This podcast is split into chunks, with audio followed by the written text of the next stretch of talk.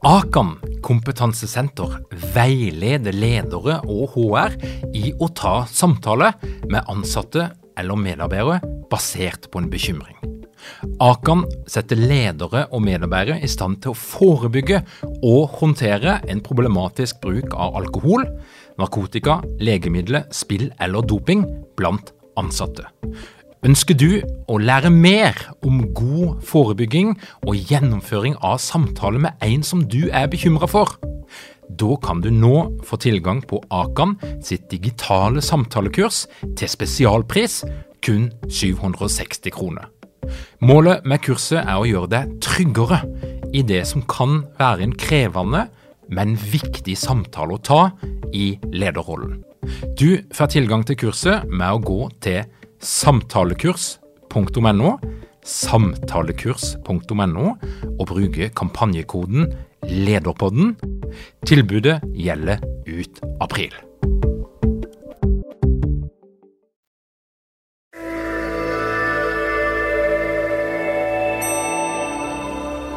Hei og velkommen til Lederpodden. Mitt navn er Tor Åge Eikrapen, er organisasjonspsykolog, og i denne podkasten snakker jeg med ledere og fagpersoner som har noe å fortelle. Tema for dagens episode det er lederutvikling. Lederutvikling kan være så mangt. Det kan være å sitte bak en pult, høre på et foredrag, ta notater og lese pensum, men det kan òg være så mye mer enn det. Og selvutvikling det er det nok mange som mener er selve nøkkelen til effektiv lederutvikling.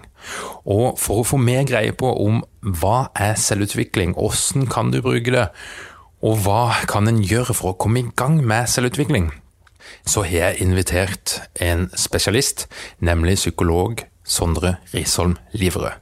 Sondre er den mest nysgjerrige psykologen jeg kjenner. Han har skrevet en rekke bøker, han har flere podkaster, og han har et nettsted, webpsykologen.no, der han skriver en rekke artikler om psykologi og alt det spennende som hører med. Og I dagens episode så ønsker jeg å snakke med Sondre om selvutvikling, og han legger i det begrepet, og, og du kan få ut av å bedrive selvutvikling, spesielt med tanke på det å være en god og effektiv leder. Og for å sette det hele i gang, så ber jeg Sondre om å forklare betydninga av et begrep som er nært knytta til selvutvikling. Og begrepet, det er mentalisering. Og Sondre, hva er mentalisering, og er det i det hele tatt mulig å være god eller dårlig på mentalisering? Jeg er litt enig i at det Jeg tror, jeg tror ikke det er, det er ikke noe som du enten kan eller ikke kan, men det er noe du er mer eller mindre god på. Altså fysisk styrke. Du, du, er aldri fullt uttrent, på en måte. Du, du, kan alltid trene mer. Og jeg tror uh, mentalisering Jeg tror det ligger i prefrontal cortex et sted, men det er evnen til å forstå andre mennesker fra innsiden på en så korrekt måte som mulig, og forstå seg selv på utsiden. Mens andre menneskers indre liv er jo strengt talt utilgjengelig for oss, men vi kan på en måte kanskje nærme oss eh, en forståelse av det. Og hvis vi gjør det, så har vi større forutsetninger for å være fleksibel i møte med andre mennesker. Så Det er jo det jeg driver med hver dag. Vi jobber i gruppeterapi. Og gruppeterapi handler jo om å fjerne de sosiale kodene, sånn at vi på en måte Jeg gir andre mennesker et helt oppriktig eh, tilbakemelding på hvordan jeg opplever de. Sånn at de skal kunne, kunne, ikke måtte kode meg, men jeg er et speil på hvordan jeg opplever de.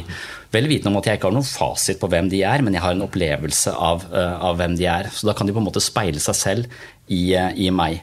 Og, og, Forskjellen på da gruppeterapi eller selvutvikling er jo at der, der, fjerner vi disse sosiale reglene for takt og tone. For da er vi ikke helt oppriktige. Da sier vi ofte mye bare for å være høflige. Og det er høflig å si høflige ting, derfor gjør vi det. Ikke nødvendigvis fordi vi mener det. Øh, mens i selvutvikling så tenker vi at det, nå fjerner vi de litt. Nå lager vi en arena hvor vi skal være mye mer oppriktige. Og mitt eksempel på det er ofte hvis jeg har vært på øh, jeg husker jeg var på fest en gang, og, og, og en fyr snakka til meg og virka som han ikke brydde seg. Var uinteressert. Eh, og jeg stilte sosialt intelligente spørsmål. Jeg tror det er sosialt intelligent å stille folk spørsmål. Så gjorde jeg det, eh, og han svarte kort og så en annen vei. Og i den situasjonen så tematiserer jeg jo ikke det. Jeg sier ikke 'du, hva skjer her?' Så, så da stikker jeg bare og henter en ny øl, og så, og så, trekker jeg meg unna situasjonen. For jeg føler meg liten og dum og ignorert i den, den situasjonen. Hadde det vært i en type selvutviklingssetting eller i en gruppeterapi, så hadde jeg sagt 'du, stopp litt nå'. Måten du er på, får meg til å føle meg liten og dum. Mm.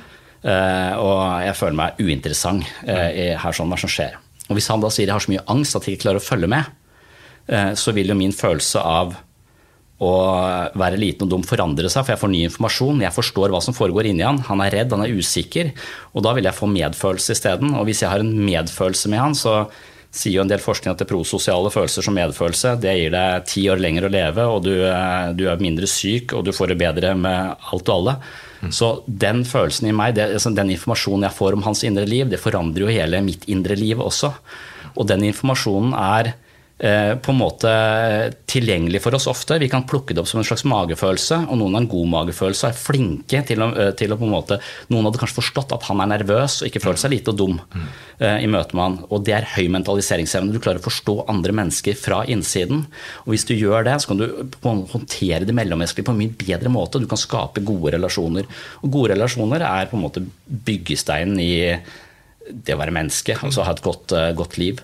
Så det ene, Mentalisering har to sider. Det handler om å se andre mennesker fra innsiden, men så handler det også om å se seg selv fra utsiden. Altså, Hva er det jeg legger inn i denne relasjonen som påvirker den andre på denne måten? Mm. Sånn at du, er, eh, du, har et godt blikk for, de, for ditt eget eh, dine egne følelser, din egen fremferd, din egen måte å være på i møte med den andre. Og Hvis du er god på begge deler, så har du høy mentaliseringsevne. Mm. Mange av de jeg møter, halv, er bare gode på, de er ganske gode på å kode andre mennesker, for de har kanskje vokst opp med ustabile foreldre hvor de hele tiden må tenke er han nå eh, sint, eh, kan jeg si noe, kan jeg ikke si noe? Så de er veldig flinke til å monitorere andre menneskers indre liv. Men de har brukt så mye tid på det at de vet ingenting om sitt eget indre, eh, indre liv. Så de får en sånn halv, halv mentaliseringsevne som ofte skaper mye forvirring i, i, og uoverensstemmelse i relasjoner. Da. Så jeg mener mentalisering er en slags samlebetegnelse på mellommenneskelig forståelse og mm. selvinnsikt. Uh, og Det er ikke noe nytt med det, men det, en, eh, det, måte, det, kan romme alt det vi tror vi driver med i selvutvikling eller psykoterapi. Da. Er det slitsomt å, um, å gå rundt og forstå andre? Og, og, eller ha denne åpenheten, for det du snakker om er jo egentlig en, en slags aksept for at uh, situasjoner og mennesker kan tolkes på ulikt vis. For det er jo ingen fasit. Du klarer ikke å krype inn i, i, i, skallen på noen andre og se hva er det som skjer der. Men, men, men det, altså folk som er gode til å mentalisere, er det, er det, er det mye hjerneaktivitet? Er det mye stress knytta til det? Nei, jeg, det, ja, det kommer jo an på hva du Men jeg vil si det er ganske, sånn jeg tenker om det, så er det helt parallelt til fysisk trening. Mm -hmm. så, så er, det, er, det, stress å være sterk, eh, på en måte. Mm. Det er stress å bli sterk. Men det er, være, det er mindre stress å være sterk enn å ikke være sterk når du skal flytte. Mm. Hvis du skal flytte, skal du løfte mye tunge ting. Og hvis du veldig, har veldig store muskler, så blir det lett for deg. Mm. Mens uh, hvis du er sånn som meg, ikke har så store muskler, så er det ganske tungt mm. eh, å, å, å, flytte. For jeg har ikke brukt nok timer i treningsstudio til at det blir en lek. Eh, så, så, og sånn tenker jeg litt om mentaliseringsevne også. at det, Hvis du stadig ryker uklar, det er uoverensstemmelse i relasjonene dine, på, på en måte, og, du, og du merker at det, at det, det ofte du, du mister litt oversikt i dette mellommenneskelige landskapet som, eh, som, på en måte enten skader andre folk eller deg sjøl. Mm. Uh, og hvis det bare skaper andre for, uh, skader andre og du ikke ser at det skader deg selv, så, så har du fortsatt lav mentaliseringsevne. Du vil sannsynligvis ikke bli rata som en veldig god leder, da, hvis det er det der, uh, det er snakk om. Så jeg tenker Det å trene det opp, det vi gjør, vi setter av tid i gruppeterapi til å trene på nettopp de tingene. Trene på å forstå andre mennesker fra innsiden og se seg selv fra utsiden.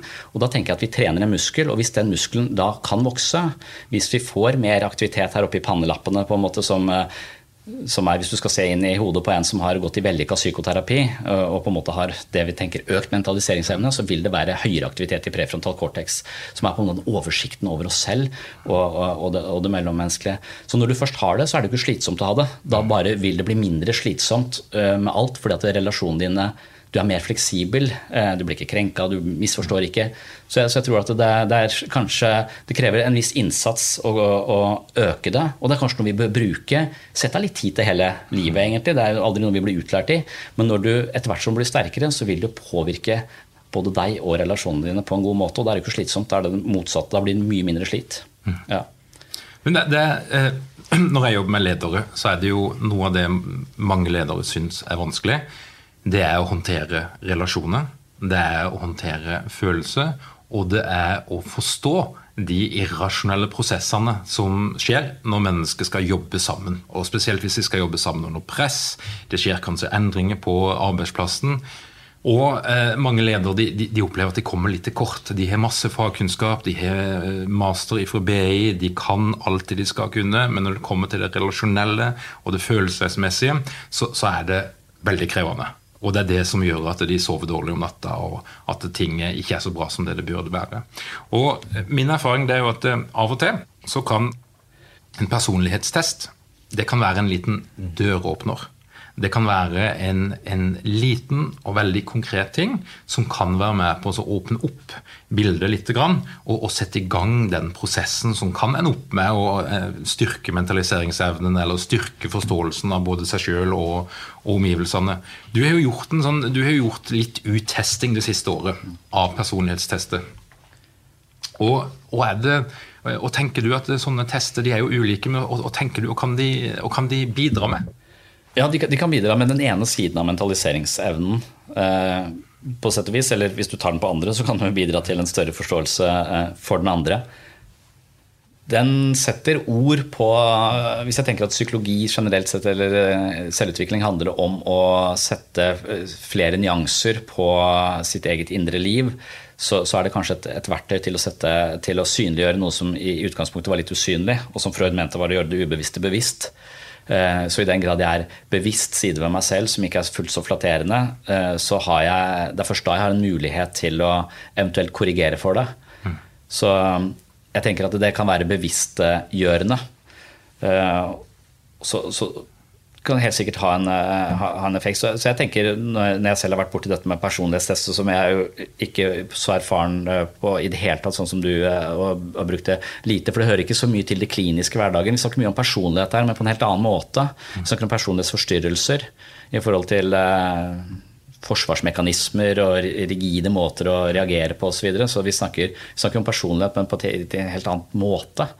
Mens disse big five eller uh, Neopi-testen eh, er jo litt mer sånn i din bransje, eh, mm. som, eh, som, setter ord på det. Så på, for min del, så når jeg leser Myo Briggs på det, som er den andre store, eller, eller han Isenk, som, som, var den som først snakket om det med introvert og ekstrovert, så, så, så, har kanskje akkurat den, det parameteret der gitt meg litt forståelse og en måte å snakke om mitt eget behov for ro og, og og alenetid. Eh, for eh, ro og alenetid med, sammen med en som er, ikke er introvert og forholdsvis ekstrovert, så, så, så, kan man lett misforstå kan oppstå misforståelse. Vil jo ikke være at vi skal være sammen uh, hele tiden? Uh, nei, jeg vil ikke det. Men det er fordi det, det er fordi at jeg trenger også uh, noe tid for meg selv. Så det, det, kan kanskje sette ord på å oppklare misforståelser i, i, i relasjonen. Og så opplever jeg også at det, akkurat personlighet, akkurat den testen der sånn, det er, det er, veldig sjelden jeg bruker den klinisk, men jeg har brukt den litt eh, Jeg har vært borti det nå i det siste eh, klinisk, hvor, hvor en, en jente som er veldig introvert, har problemer med å gjennomføre skolen eh, fordi det stiller så innmari mye sosiale krav til henne. Mm. Hun, hun, er så rolig og fin å ha i frikvarterene, så de vil at hun skal være på skolen. Hun bor, ut, bor rett ved siden av, hun vil egentlig hjem og ta en pause i frikvarterene for å ha energi nok til å gjennomføre eh, studiet. Og de tolker det som angst. De tolker det som sosialangst. Og hvis det hadde vært sosialangst, så er det kanskje det å eksponere seg for det, tåle det, stå i det, jobbe seg gjennom det, måten å gå. Men hvis det er mer iboende personlighetstrekk, så er det ikke sikkert at vi skal presse denne jenta eh, til å være i alle disse sosiale settingene, men heller skjerme henne litt fra det, sånn at hun klarer å gjennomføre eh, studiet. Så der, der, ga det en slags klinisk også, eh, verdi i, i møte med den, i pasienter da, i, min, i, min, hverdag. Ja, for det, det, er jo interessant. Henne er, henne er skillet mellom psykiske lidelser, eh, en eller annen diagnose og rett og slett bare personlighet. For jeg, for jeg, tenker jo at Det er jo veldig mye atferd hos andre som irriterer oss og som skaper mye føss. Og mm. introvert og ekstrovert er jo lett å bruke. Mm. fordi at Hvis du treffer noen som er på ytterkantene av de to, mm. eh, så, så, blir forskjellen veldig synlig. Mm. Og den kan potensielt skape ganske mye irritasjon. Ja. Det typiske er jo at den ekstroverte etterlyser respons mm. hos den introverte, men det kommer aldri noe tilbake. Det blir aldri den her veldig begeistringa og mm. hei, hei og hurra for at du er så flott. Det er en litt mer rolig måte å, å kommunisere på. Men, men henne, uh, henne, skal skillet gå. For det er jo, hvis du, hvis du tenker inn i organisasjonspsykologien, hvis du, hvis du leser stillingsannonse, så skal du jo nesten uansett hvilken jobb det er, så skal du jo være ekstrovert eller utadvendt, som er begrepet som brukes. Det er liksom den fremste egenskapen. Og så vet vi jo noe om at uh, i veldig mange yrker så er det slett ikke en fordel å være ekstrovert. Kanskje tvert imot. At det er en veldig fordel å være introvert. Men det er sjelden du ser den jobbannonsen. Hva, er, hva er Hvilke parametere skal man bruke for å og, da, sånn som du nevnte her, lage et skille mellom det som egentlig er rett og slett personlighet, og det som er mer dysfunksjonelt? Det, jeg, tror jeg kommer an på hva slags målestokk du bruker på ting hele tiden. Så, så hvis du bruker Big Five i en mer sånn allmennpsykologisk eller populærpsykologisk kontekst, så tror jeg kanskje det kan bidra til økt forståelse og aksept. Eh, sånn at eh, Sånn at det som før føltes ubehagelig, hadde dårlig samvittighet for og ga meg en slags uh, tyngende uro fordi jeg hele tiden ikke var sosial nok i forhold til den standarden jeg mente var riktig, så vil jo den standarden du har satt deg, være problemet. Så det, å korrigere standarden du måler deg selv opp imot, uh, vil jo kunne være avhjelpe psykiske smerter, kan man si, eller, eller press. da. Eh, så, men akkurat hvor, hvor, grensene Når jeg snakker om personlighet, så, så, snakker jeg vel mer om personlighetsforstyrrelser. Og jeg ser det ut ifra at vi har fire grunnleggende emosjonelle styringssystemer. Så at eh, du har et fryktsystem. Så hvis du har vært mye redd, så har du ofte en sterk muskel som kode for frykt. Hvis du har en sterk muskel som kode for frykt, så er du ofte unnvikende. Eh, og, og, og du er eh, redd for det som Hvis det er mennesker som har skada deg, så er du ofte mistenksom, og du har en slags eh, mur av mistillit i møte med den andre. og Du trekker deg unna, eh, og du holder korta tett til brystet. Du er personlig privat, og du, du, skaper ingen nær kontakt med andre mennesker. Du lever litt i en slags emosjonell ørken. og Det kaller vi en unnvikende personlighetsforstyrrelse. Har du, så, så, har du også et panikksystem inni det. og Hvis du har mye mye panikk, så er det fordi du ble forlatt. Mye du har, du har opplevd fra tidlig alder. altså at du ble, Foreldrene dine var ikke tilgjengelige, de var på Facebook og så ikke det. så Du, du, har, du har en eller annen historie på avvisning hvor det å det å bli forlatt det er jo forbundet med livsfare for et lite barn. og Da vil panikksystemet slå inn, og du reagerer med gråt og bråk, sånn at du påkaller oppmerksomheten. Og Hvis du det skjer gang på gang, på gang, så, så kan du også dra med deg en slags sterk muskel for panikk og frykt for å være alene. og Da får du mer en avhengig personlighet som bare tviholder på andre og er redd for å miste folk og kveler de. Og så har du den mer aggressive varianten, som er selvhevdende og som aldri har fått noen grenser, og som bare kjører på. Så du får den mer narsistiske personligheten. Så du den avhengige, du har den, den unnvikende, den narsissistiske, eventuelt den histrioniske, som kan være mer sånn veldig interessert, veldig på, men har litt problemer med å eh, legge seg litt bakpå, gi andre plass. Altså du, du er for, eh, for på. Så, så, der snakker vi om eh, vi, der snakker vi at alle disse fire personlighetene har du i deg, og en god balanse i det vil for Av og til så er det lurt å være på, av og til så er det lurt å legge seg litt bakpå og være litt skeptisk. Det er ikke alle vi skal stole på, på en måte. Så, så, så det å ha en god balanse og kunne flekse mellom disse ulike fire personlighetstypene, og en god balanse i sitt eget emosjonelle styringssystem system inni seg fordi at du har hatt rimelig gode forhold for vekst og utvikling gjennom, gjennom livet ditt, så, eh, så, så, vil det kode for en god, en stabil personlighet. En, mens, mens, eh, hvis du har for mye frykt eller for mye panikk eller for mye aggresjon, så skaper det en skakk, skak grunnmur i personligheten din, og du vil kunne kvalifisere for en type personlighetsforstyrrelse fordi du typisk reagerer stereotypt. Du reagerer ofte med aggresjon i situasjoner hvor det er helt uhensiktsmessig. Eh, eller du lytter aldri til andre, du bare kjører ditt eget løp. Så, så da, da snakker vi om at det er en patologi hvis det er er skjevheter som skader relasjonene eh, dine. Og igjen så vil det være bevissthet rundt den skjevheten, eh, og en bevisst på en måte gå inn i situasjoner da være eh, istedenfor å bare gå på autopilot, være mer bevisst i de situasjonene du vet dette typisk oppstår. Kjenn deg selv er jo et godt råd. Og disse verktøyene som personlighetstestene kan kanskje hjelpe oss til det. Um, jeg, jeg lurer på det, det, Av de personlighetstestene jeg har tatt, så er det Myo Briggs som er jo litt sånn hva skal man si, eh, pseudo-kvasi eh, Ja, den, er jo, den, er jo, den, bygger vel, den bygger vel på noe av det samme fundamentet som Jungs typeindeks. Ja.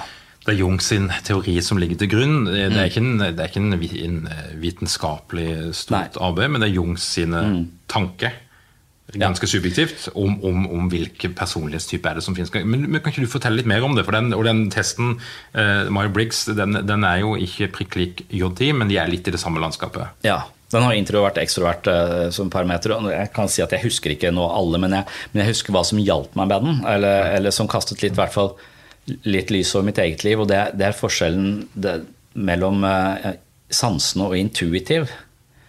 og og sansene, det er jo mennesker som tar avgjørelser på bakgrunn av fakta i virkeligheten. De er mer empirisk orientert. Mm. Sånn at du, du, du liker å ha Er du ikke mange ledere uten trening eller utdannelse innen ledelse? Mangler du ikke en felles kultur og praksis for ledelse? Ønsker du ikke å være bedre rusta for fremtidig vekst og endring, da kan et internt lederutviklingsprogram være en god investering. I Execu så er vi eksperter på å designe og gjennomføre bedriftsinterne lederutviklingsprogram. Hvis du ønsker å lære mer om hvordan vi kan hjelpe dykken til å få enda bedre ledere, ta og klikk deg inn på execu.no.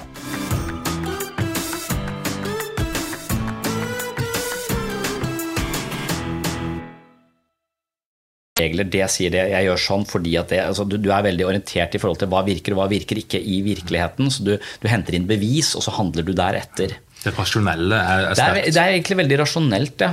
Uh, og, mens, uh, mens motsatt så har du den intuitive, som, som handler mer på, um, på intuisjon og litt, føler seg litt fanget og, og kvelt hvis det blir for mye regler og osv. Og, og, og det er helt tydelig at jeg eh, scorer veldig høyt på eller sånn meg selv scorer veldig høyt på intuitiv. Uh, og, og, kona mi sier at nå, du er så forbanna på disse pakkeforløpene. Uh, og jeg har jo prøvd å innføre pakkeforløp i vår familie nå i, i ti år, men du er alltid motvillig. Og, og, det er nok en stor forskjell på oss at hun liker å ha hun liker pedagogikk, hun liker å ha en klar plan for hvordan vi skal oppdra barna våre. Mens jeg liker å ta det på sparket. og jeg føler, jeg, jeg vet ikke, så, så, så, det også er en sånn helt sånn klar forskjell på å påstå at jeg er mye mer intuitiv eh, og, og, tenker at dette, dette, her kan jeg stole på meg selv i, i, i møte med disse utfordringene. Og idet du ser at vi er så forskjellige på det området, så kan begge to bruke den informasjonen til å egentlig trene på det motsatte av det man er. Jeg tror det er en verdi. Altså når Jeg tenker, jeg scorer også høyt på introvert. altså Når jeg vet det, så kan jeg trene på å være, være ute blant folk. Altså jeg kan gjøre litt ekstra innsats for å omgås mennesker eh, i større grad, fordi at jeg vet at det ikke, ligger ikke helt naturlig for meg. Akkurat sånn som det å følge regler og akseptere pakkeforløp i psykisk helsevern og, og kontroll og regler og regimer osv., så, videre, så vet jeg at jeg har en iboende motstand eh, mot det. Men kanskje jeg skal kjenner meg selv så godt at jeg har nok motstanden er nok for sterk. Sånn at jeg skal justere meg litt over på, uh, på andre siden. Det klarer jeg ikke. Men jeg har et mål om det. det er en veldig god beskrivelse. sånn at det, det, du, det, du, forteller noe om, det er jo at det er motstand mot ting som skjer i livet, enten det er i familien eller det er på jobb. Det, det kan handle om det som skjer i seg sjøl, men personligheten er en komponent på hvordan du fortolker det, og hva, og hva, du gjør med den motstanden som du måtte kjenne på. Mm. Det, men dette her, er jo, dette her er jo interessante greier. Hvis vi tenker på, på ledelse, så er jo da mange ledere uh, En del vil påstå at de er jo noen av de som får minst tilbakemeldinger på egen atferd. At det å gi tilbakemeldinger til en leder som kanskje kommuniserer at han eller hun ikke er helt mottagelig for det, det er jo forbundet med fare. Det er en reell risiko, fordi at du, du, du kan utsette deg sjøl for represalier som er, eh, enten er reelle eller er eh, noe du, du kan forestille deg at kan skje. Men, men, men, det gjør jo at en del ledere de får kanskje ikke den sosiale feedbacken som de burde fått for å justere seg sjøl. Den andre sida av det, det er jo at ledere som har en potensiell ubalanse i de fire systemene, som du nevnte. Og da er jo Narsissisme det er jo noe som ofte blir nevnt. og Hvis en skal spekulere litt i hva er, hvilket personlighetstrekk er det som kan være litt vel sterkt av og til hos noen ledere, eh, det kan jo potensielt være ganske skadelig. Fordi at en leder har mye makt og har mennesket tett innpå seg, og, og, det kan få ganske stygge konsekvenser. Hva, hva, er det ledere da kan foreta seg, eller hvordan kan vi sikre at, at ledere er tilstrekkelig eh, i vater?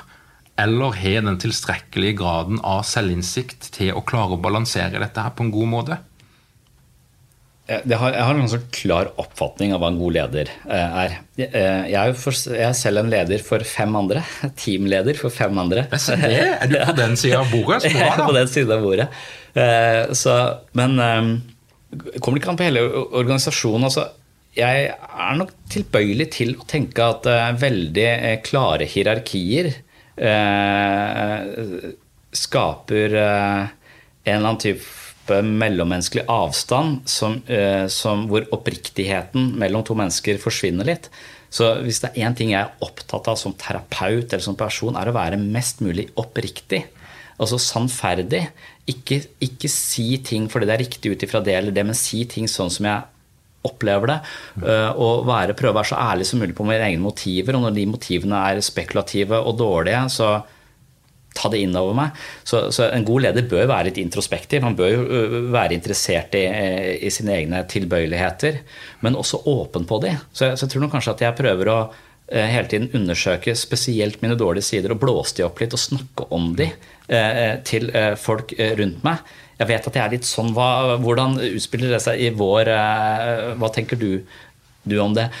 Og hvis man skal være det, så føler jeg at det, det som, det som vi, vi, jobber i psykisk helse, og vi, vi møter mennesker som har eh, hatt masse vonde eh, ting med seg uh, og erfaringer. Og for meg så betyr det ofte at de ikke har fått leke nok. Altså, og jeg vet at Det er liksom kleint å snakke om lek. og jeg syns det selv, for at denne, jeg har ikke helt forstått lekens eh, betydning. Men barn må leke. Eh, for det er i leken, på en måte dette rommet mellom eh, fantasien og virkeligheten, at de utforsker og finner ut av veldig mange ting. Så, det, det, å kunne ha muligheten til å være leken er ekstremt viktig for barns utvikling. Men jeg mener også at det er veldig viktig for voksne mennesker. Og de menneskene vi har i behandling, de har nok ikke fått lekt nok. Så deres indre liv er som en det jeg av og til kaller en for meg så, så, virker det som det er et pukkverk. Hvor hver tanke, hver følelse ramler ned som en stein. Hvis du sier noe negativt til meg, så, så slår det ned inni meg som en stein. Mens eh, hvis du sier noe negativt til meg, så kan det være at det blir litt en stein, men jeg bor i en sandkasse. Jeg har et indre liv hvor jeg leker med ting. Så idet du oppfatter meg som arrogant og narsissistisk, så er det en vond ting, og jeg skal ta det innom, jeg skal forstå det, men det slår meg ikke i hjel. Jeg blir ikke et pukkverk på, på, på innsiden. Så det å kunne ha et lekent forhold til sine egne tanker og følelser noe de, de, med store plager ikke har. altså Enhver tanke kan Jeg må ikke tenke det, jeg må ikke føle det. Hvis jeg føler det, så er jeg ond. Hvis jeg føler negativt for, eh, for den personen, eh, så, så, føler, så, så, er jeg ond. Derfor føler jeg ikke så det, det, er, det, er, det, er, på flukt fra sitt eget indre liv istedenfor å tenke at den tanken følelse, selv om du på en måte innimellom har lyst til å kaldkvele lederen din så kan du på neste fest være fantastisk begeistra over den lederen. Så det at du har et uh, sterke følelser overfor en person som står deg nær. Det er helt naturlig, men ikke tro at det at du har negative følelser, gjør deg til en ond person. altså Ha et lekent forhold til sitt indre liv. Og jeg synes at Etter hvert som vi klarer å hjelpe folk, så er det fordi de blir mer lekne. De blir ikke så gravalvorlige i forhold til det som foregår på innsiden. Og pasienter er sånn, men fagpersoner er også sånn. Noen fagpersoner er gravalvorlige. Noen ledere er gravalvorlige. De tar jobben sin sånn der, dette, altså, de, Det er så viktig at det er skummelt å si noe. Så jeg føler meg kastrert i møte med folk som er for viktige. Eh, og, det tror jeg Gode ledere tror jeg har selvinnsikt, så tror jeg at de kan leke litt med ting. Og da skaper de nære, likestilte relasjoner istedenfor en relasjon hvor de står i foreldrerollen og ser ned på noen, hvor den de ser ned på, blir et lite barn mm. og usikker. Men hvis du kan være helt likestilt og ha en god, åpen, åpen tone, ha et lekent forhold, så tror jeg den åpenheten og autentisiteten kommer inn. Men med en gang du har regler, og det skal være sånn, en god leder skal være sånn, og nå skal jeg gjøre det og følge det og følge det, så det, det ødelegger autentisitet. da. Uh, Så vær mer intuitiv. Drit i alle disse ja. Det, er, det er ja. veldig godt beskrevet, og det er jo en fleksibilitet du, du snakker om. Det er jo ja. altså Evnen til å romme ulike uh, tilbakemeldinger på deg sjøl, ulike responser, og, og, og, ulike følelser og tanker som du måtte ha i ditt indre liv, og uten at mm. det blir altoppslukende. Ja. Og, og, og, så liker jeg godt det du, det du sier der om um, det å bjude på seg sjøl. Ja. Det, uh, det, er jo et litt uh, forslitt uttrykk, men det er jo det du snakker om. Det å faktisk se litt av sine egne overslag, som noen kaller det. Sine egne svakheter, kan en jo gjerne kalle det. Og, og så klare å, å, by på det. Det inviterer jo folk til å kunne gi deg tilbakemeldinger, og du, jeg tenker jo at du skaper tillit med det. Ja. Så det er jo et fantastisk godt uh, tips, egentlig. Altså, hvis du ønsker å etablere tillit, ønsker å bli oppfatta som autentisk og ekte, og at folk faktisk skal stole på deg, og det tror jeg er en forutsetning hvis du skal lede mm. folk, mm. Så, så, er nok det et bra sted å starte. Men da må du jo ha tilstrekkelig selvinnsikt ja. til faktisk å, å, å, kunne beskrive det. Ja. Og det er og, og, igjen, eh, altså, det er jeg helt enig i. Og da tenker jeg også med, med, med pasienter altså Hvis jeg kan hele tiden lete etter likheten mellom meg og den andre, så jeg føler meg at vi er like. Jeg er ikke svar og er over eller noe sånt. Jeg skal være, det er mer sånn Jung-Freud-type ting. Altså Jung mente at i møte med andre mennesker så var de på en felles reise, og på denne reisen kunne de utvikle seg hvis ikke jeg utvikler meg, så vi utvikler den andre. Så vi må utvikle oss sammen. Og Det er en filosofi jeg også eh, føler veldig sterkt på. At det er sammen med den andre at jeg lærer meg selv å kjenne, og lærer den andre å kjenne. Kanskje vi får noe ut av det begge to. En vinn-vinn-situasjon. Men hvis jeg mener at jeg har masse teorier og har en eller annen eh, rolle som står veldig over eller utenfor analyserer, så, så, så tror jeg ikke det, det skaper ikke den relasjonen du trenger for å og, jeg tror at Jo mer usikker du er på deg selv, jo flere regler og rammer prøver du. Og hvis denne lekenheten blir noe, en ny ting på lista, du skal bare være mer leken, og du ikke er leken, men bare påtar deg det for det står i en eller annen lederutviklingsbok at du skal være det, så funker det ikke igjen. Da blir det falskt. Du gjør det bare for et spill for, for galleriet. Så, så, for å bli et god leder, for å bli et godt menneske, så må du på en måte ha et ego i balanse, som ikke hele tiden trenger å være en god leder, eller trenger at de liker deg. Sånn. Hvis du er i balanse, så vil interessen din for andre være genuin. Nysgjerrigheten din på det andre mennesket vil være, komme fra et overskuddsposisjon, ikke noe du skal gjøre bare for å gjøre det. Så jeg tror nok at det, det gjelder alle yrker. at det, det, å være et godt menneske handler om å ikke, inn, ikke være så egosentrisk orientert. Da. Og de fleste av oss er egosentrisk orienterte, for vi føler vi mangler noe. Vi må ha det, eller vi må ha den oppmerksomheten, eller jeg må bli likt der. Vi hele tiden samler på et eller annet som skal gjøre oss, som skal bevise at vi er bedre enn det vi dypest sett føler at vi kanskje er. Men hvis vi på et eller annet tidspunkt aksepterer oss selv for det vi er, og en stor aksept for seg selv, et ego som ikke hele tiden trenger noe fra omgivelsene for å føle seg hel, da vil behovene dine endrer seg fra å være egosentrisk til å bli altruistisk og mer genuint nysgjerrig på andre mennesker. Og da tror jeg du skaper veldig eh, nær kontakt eh, til folk. Så jeg tror de beste lederne er der. Altså. De har en genuin nysgjerrighet eh, for de menneskene de, de, jobber sammen med, og så liker de dem. Og hvis de ikke liker dem, så lærer de seg å like dem. Det er også det å jobbe i gruppeterapi, altså det er mange mennesker jeg møter som tenker det er ikke rart at du uh, har det vanskelig, for det er, du er veldig vanskelig å like. Uh, og det da å ut, finne ut av hva er det ved deg som er vanskelig å like. Hvorfor er det vanskelig å like? Tematisere det. Du liker ikke meg heller. Da har vi to ting vi kan, og Når vi klarer å forstå dette, så blir begge vi to bedre mennesker. og, og, og de slutter når vi liker hverandre veldig godt, og det er trist å, å avslutte. på en måte. Så, så, eh, mennesker man ikke liker, bør man være veldig nysgjerrig på og prøve å forstå enda mer. For det er veldig sjelden du klarer å bli nært og godt kjent med mennesker og fortsatt ikke liker det. Det har jeg ikke opplevd. Eh, og jeg møter jo en del ufordragelige folk, egentlig. Det er ikke fordi at de er så innmari fordragelige de kommer i behandling alltid. Det er jo fordi at de av og til ryker uklare med snallet. alle. Mm. Så, så, og, og, men det å virkelig lære seg å like en person som har vært vanskelig, det, de relasjonene er sterke. Altså. Og, og, de glemmer du aldri. Mm. For du har lært mye om deg selv i de. Ja. Sondre, eh, det fins ledere der ute som sannsynligvis kjenner seg litt igjen i det vi snakker om.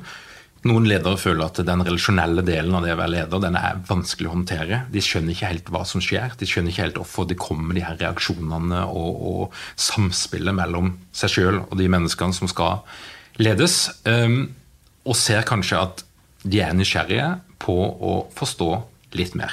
Da har vi jo snakka om at eh, det å gå inn i personlighetstestverden, der er det jo masse rart å, å ta, og noen personlighetstester er gode. Det kommer nok litt an på i hvilken kontekst du gjør det, om du får noe veiledning på det, men, men det kan være en inngang.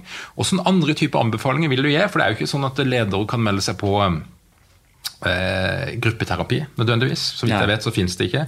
Lederutvikling kan jo av og til ligne litt på gruppeterapi mm. eh, på, når det gjøres på en, på en god måte. Men, men hva vil du anbefale da? personer som er nysgjerrige og, og, og, har lyst til å kikke litt mer inn i seg sjøl, men som ikke nødvendigvis eh, kan få en henvisning til, til din eh, fantastiske gruppeterapi. Men, men hva kan de gjøre?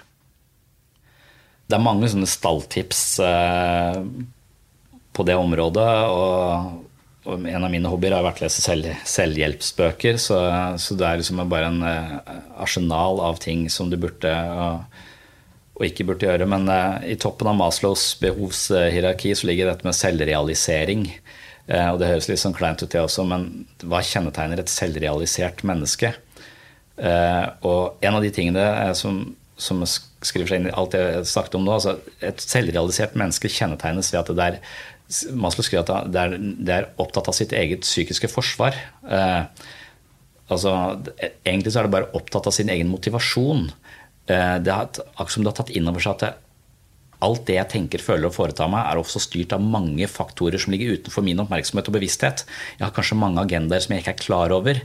Og er, jo mer jeg er klar over av de agendaene, jeg kan finne ut av hva som ligger bak det jeg eh, tenker og føler og foretar meg eh, i enhver situasjon, jo mer kontroll har jeg på, eller mer forståelse får jeg for meg selv. Det er jo å kjenne deg selv igjen. Så vær nysgjerrig eh, på din egen motivasjon for å gjøre det du gjør, og ikke tro at du hver gang du har funnet ja, jeg gjør det pga. det, så tenk at ja, jeg gjør det pga. det, men det er sannsynligvis 10-20-30 andre ting som også er med på å påvirke at du gjør akkurat det, det du gjør. Eh, så hvorfor forfremmer du den fremfor den? Han er dyktigere. Er han egentlig dyktigere, eller liker du han bedre? Eller er vedkommende kjekkere? Eller liksom, Vær litt eh, nysgjerrig på deg sjøl. Ja, det, det, tror jeg kan gjøre deg mer Forhåpentligvis mer også autentisk og, og, og ekte. At man ikke er så bombastisk og bedrevitende. Jeg vet ikke, jeg, jeg tror, hvis, hvis, du først begynner å være nysgjerrig på, på, deg selv, så vil du automatisk bli mindre bombastisk. Jeg tenker at De menneskene jeg møter, og de narsissister på en måte, du sier, de, de, de, er jo, Problemet er at de er fundamentalister i forhold til sitt eget selvbilde og sin egen forståelse av seg sjøl. De har én forståelse, og de mener den er riktig. Eh, det er ikke som å bare lese én bok og tro at det er sannheten om verden, og så kjører du inn en skyskraper eh, i USA. Det, så, så, det å være velinformert og ikke, ikke tro på det bare én side prøv å fange så mange perspektiver som mulig ved deg selv. Um, uten å bli selvopptatt. Da. Du gjør ikke dette for at du skal bli sånn selvforherligende. Du gjør det for å bli et bedre menneske. og Derfor er det også de fleste østlige visdomstradisjoner vil si at det mediterer på medfølelse, kjærlighet, for å kultivere de varme, prososiale følelser for andre mennesker. Uh, ikke se på andre mennesker som noen du skal kontrollere uh, eller styre. Se på noen andre mennesker, potensielle personer som kan komme nær deg, og noen du kan elske, egentlig eh, som gode medmennesker. Det tror jeg kanskje er det hvis jeg, jeg er ikke leder, men, men, det er få mennesker jeg setter Jeg har min nærmeste familie, som er det viktigste for meg. Og, så på nummer to så kommer da mine fem kollegaer, som jeg ikke inviterer i bursdagen min eller 40-årslaget mitt fordi de er for meg, nesten. Eh, de er, de er, mye nærmere enn venner. Altså, det, er, det, er, en slags reservefamilie, noe jeg bryr meg helt genuint om. Vi er sammen så ofte, og, og det tror jeg er helt avgjørende for å gjøre en god jobb. Da. Er det mulig å ta overdose av selvutvikling? Jeg møter noen ledere av og til som de, de hiver seg litt fra kurs til kurs. De gjenger på silent retreat, det er det ene, det er det andre. Eh, og, og jeg, jeg, tenker av og til Kan en stå i fare for å føle seg utilstrekkelig? For det tar jo aldri slutt. Altså Det er jo ikke måte på hvor mye du kan forbedre med deg sjøl og din egen måte å være på. Hvis du begynner med ledelseslitteratur, så er det jo tusen retninger. Det er motebølge og det ene og det andre. Men opplever du av og til at noen, noen kan gå litt i kjelleren for at de, de føler seg utilstrekkelig i møte med selvutviklingskulturen eller selvutviklingslitteraturen? Ja, men da har du ikke et lekent forhold til det. Så hvis du ikke har et lekent forhold til det, så syns jeg ikke du skal drive med det. egentlig. Altså, det, du, du, er nødt til, det er nødt til å stamme fra en eller annen nysgjerrighet eh, og, og, og, interesse. Så ja, jeg tror, tror, nok at du kan bli en sånn New Age-aktig Whitney Houston-yoga, jeg og meg selv, selvforherligelse over det også. Eller at, det, at, man mediterer seg vekk fra alt som er vondt og vanskelig. At, det, at man misforstår meditasjon som egentlig en evne, kapasitet til å føle mer. Det er det du mediterer. Du mediterer ikke for å ikke føle noe. Du mediterer for å uh, ha, ikke fanges av de følelsene, sånn at du faktisk har plass til å føle uten å overveldes av den følelsen. Så du bruker masse psykisk forsvar på å unngå de følelsene. Så selvutvikling handler om å tåle flere følelser, og dermed også være tettere på virkeligheten, egentlig. Uh, så jeg tror, jeg tror, helt sikkert man kan få uh, for mye av det. Og, og så tror jeg det fins en del bullshit i det markedet også. Kanskje jeg er bullshit selv. Altså, jeg tenker det noen ganger. At det var Ja. Hva dette her er bare fine ord, og hva er eh, hva, hva, er ekte. Eh, og noen ganger så møter jeg tenker jeg at nå er dette bare svada. Eh, mens andre ganger så er det en genuin følelse at dette her er viktig. Gjerne da i møte med andre, andre mennesker. Ja. Sondre Liveråd, tusen takk eh, for at du kom i Lederpodden. Hvis du ønsker å høre mer fra Sondre, og han har mange perspektiver på mange av livets store spørsmål, så er det podkasten Sannsyn. Sinnsyn. Sinnsyn, ja. Helt riktig. Mm. Så er det òg en podkast som heter 'Pastoren og psykologen'. Mm. Eh, du har skrevet nylig en bok som heter 'Psykologens journal'. Anbefales til alle med en viss interesse for filosofi og livets store spørsmål. Er det noen andre anbefalinger Sondre, som vi bør få ut? Nei, det tror jeg holder. altså. Ja. Tusen takk. Takk skal du ha.